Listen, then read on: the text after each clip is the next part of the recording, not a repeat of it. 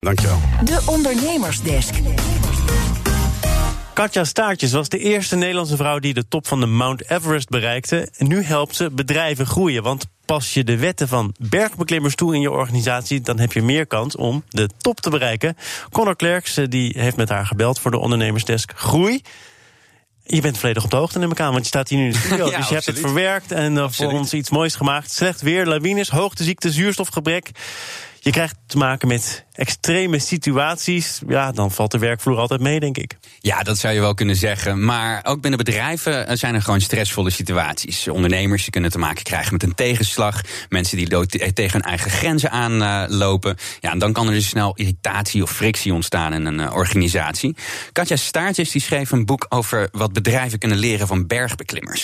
Ze heeft zelf verschillende bergen beklommen van boven de, de 8000 meter, waaronder dus Mount Everest. En daar leerde ze hoe je je het beste in stressvolle omstandigheden kunt gedragen. Dus waar je dan mee geconfronteerd wordt, is ben je uiteindelijk in staat om te incasseren. En ben je in staat om je aan te passen? Ben je in staat om iets voor de, voor de ander te doen? Om eh, je mond een tijdje te houden en iets niet uit te spreken, daar het goede moment voor af te wachten. Ehm, eh, uiteindelijk de boel niet te laten ontploffen, eh, maar echt iets te doen in het gezamenlijk belang. En ja, dat wordt in die extreme omstandigheden heel helder. Of je uiteindelijk ook echt commitment hebt. Commitment voor dat gezamenlijke doel, maar vooral ook voor elkaar. Incasseren en aanpassen, wat heb je nog meer nodig? Nou, een extreme situatie die vraagt volgens Katja om een krachtige leider die keuzes durft te maken. En samenwerken, dat is de heilige graal. En je hebt een heel sterk team nodig waarin mensen op elkaar kunnen bouwen. En net als in de bergen moet je niet te trots zijn om, om hulp te vragen en de krachten te bundelen, want daar kom je een stuk verder mee. Mijn man en ik klommen op eh, de berg Kasherbloem 1. Dat is een van de 14 bergen boven 8000 meter in Pakistan. We waren met een klein team van vier. Maar de sneeuw was zo ontzettend diep, heupdiep. Ja, dan, dan kom je er gewoon niet met z'n vieren. We hadden de krachten gebundeld met een eh, Spaans drietal. Dus we waren met z'n zevenen. Nou, daardoor konden we gewoon meer massa maken, zeg maar.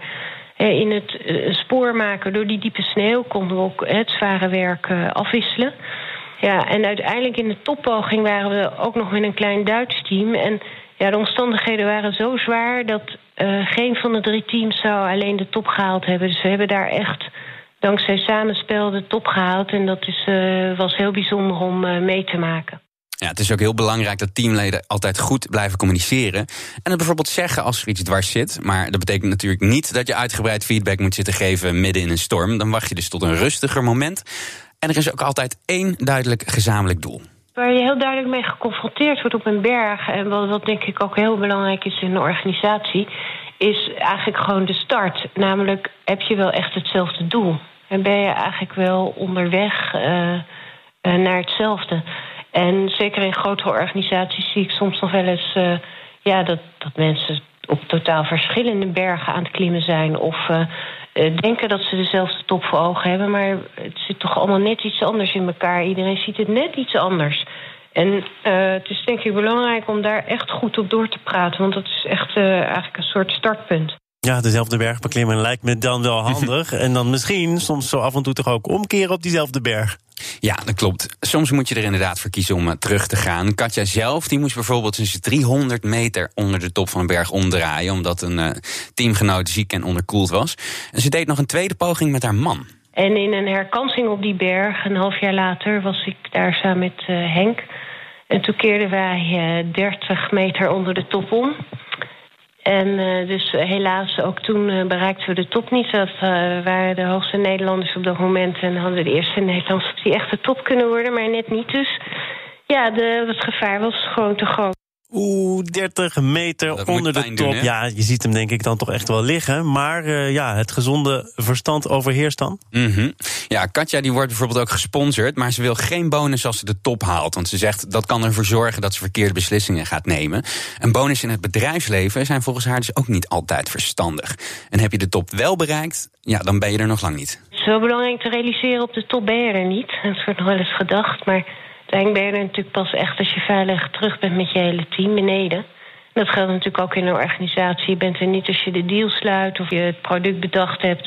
Je bent er pas als het uiteindelijk eh, echt in de praktijk werkt. En dat is, eh, ja, dat is hard werken. Het is wel zo, de meeste slachtoffers onder bergbeklimmers vallen volgens mij in de afdaling. Het zijn uh, feitjes die je hebt daar. Heel mooi.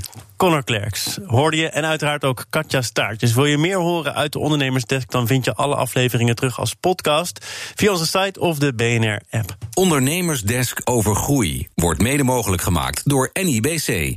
NIBC, de bank voor ondernemende mensen.